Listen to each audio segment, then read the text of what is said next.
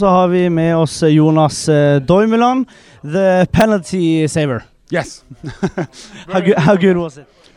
Uh, yeah, um, we are working with uh, Frode, my goalkeeper coach, and uh, the goalkeeper team, or the, the, other goalkeepers. We are working also on uh, like saving penalties. Uh, unfortunately, uh, it pays off, uh, and I could save one. Uh, describe the rest of the game. It's a it's a bit uh, messy game uh, as typical Obosliga match, as yeah, we say. That's what everybody told me before the season started. That it's going to be messy matches, difficult matches, close matches. Um, but at the end, it's all about winning. We made that happen, and uh, we're pretty happy about that. Uh, yeah, great, great match for you again. Uh, man of the match today as well.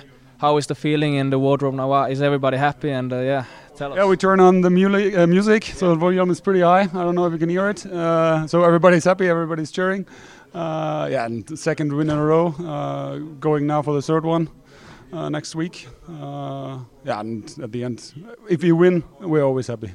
Great start for the Joey Hardarson project. Yes, he, he had two, two games as head coach now, two with victories. Um, great start. Yeah. Um, another uh, eight days, I think, to the to the next uh, game. What you will have some day offs. Uh, maybe what will be important to, to that game. It's it's been it's been a lot of mess also outside the pitch. Yeah. Um, first of all, we need to analyze uh, the game again uh, because not everything was great. A lot of stuff have been good. I think we could have scored two, three, four uh, times earlier and more goals.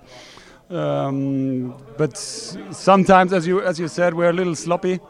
Uh, we have to improve that, uh, and then from from that analyze onwards, uh, preparing for the next game. We have one day more, so there's I think one day off for us or two, and yeah. But that game is over now. We can celebrate today, maybe tomorrow, and then we have to focus again on uh, on the next game.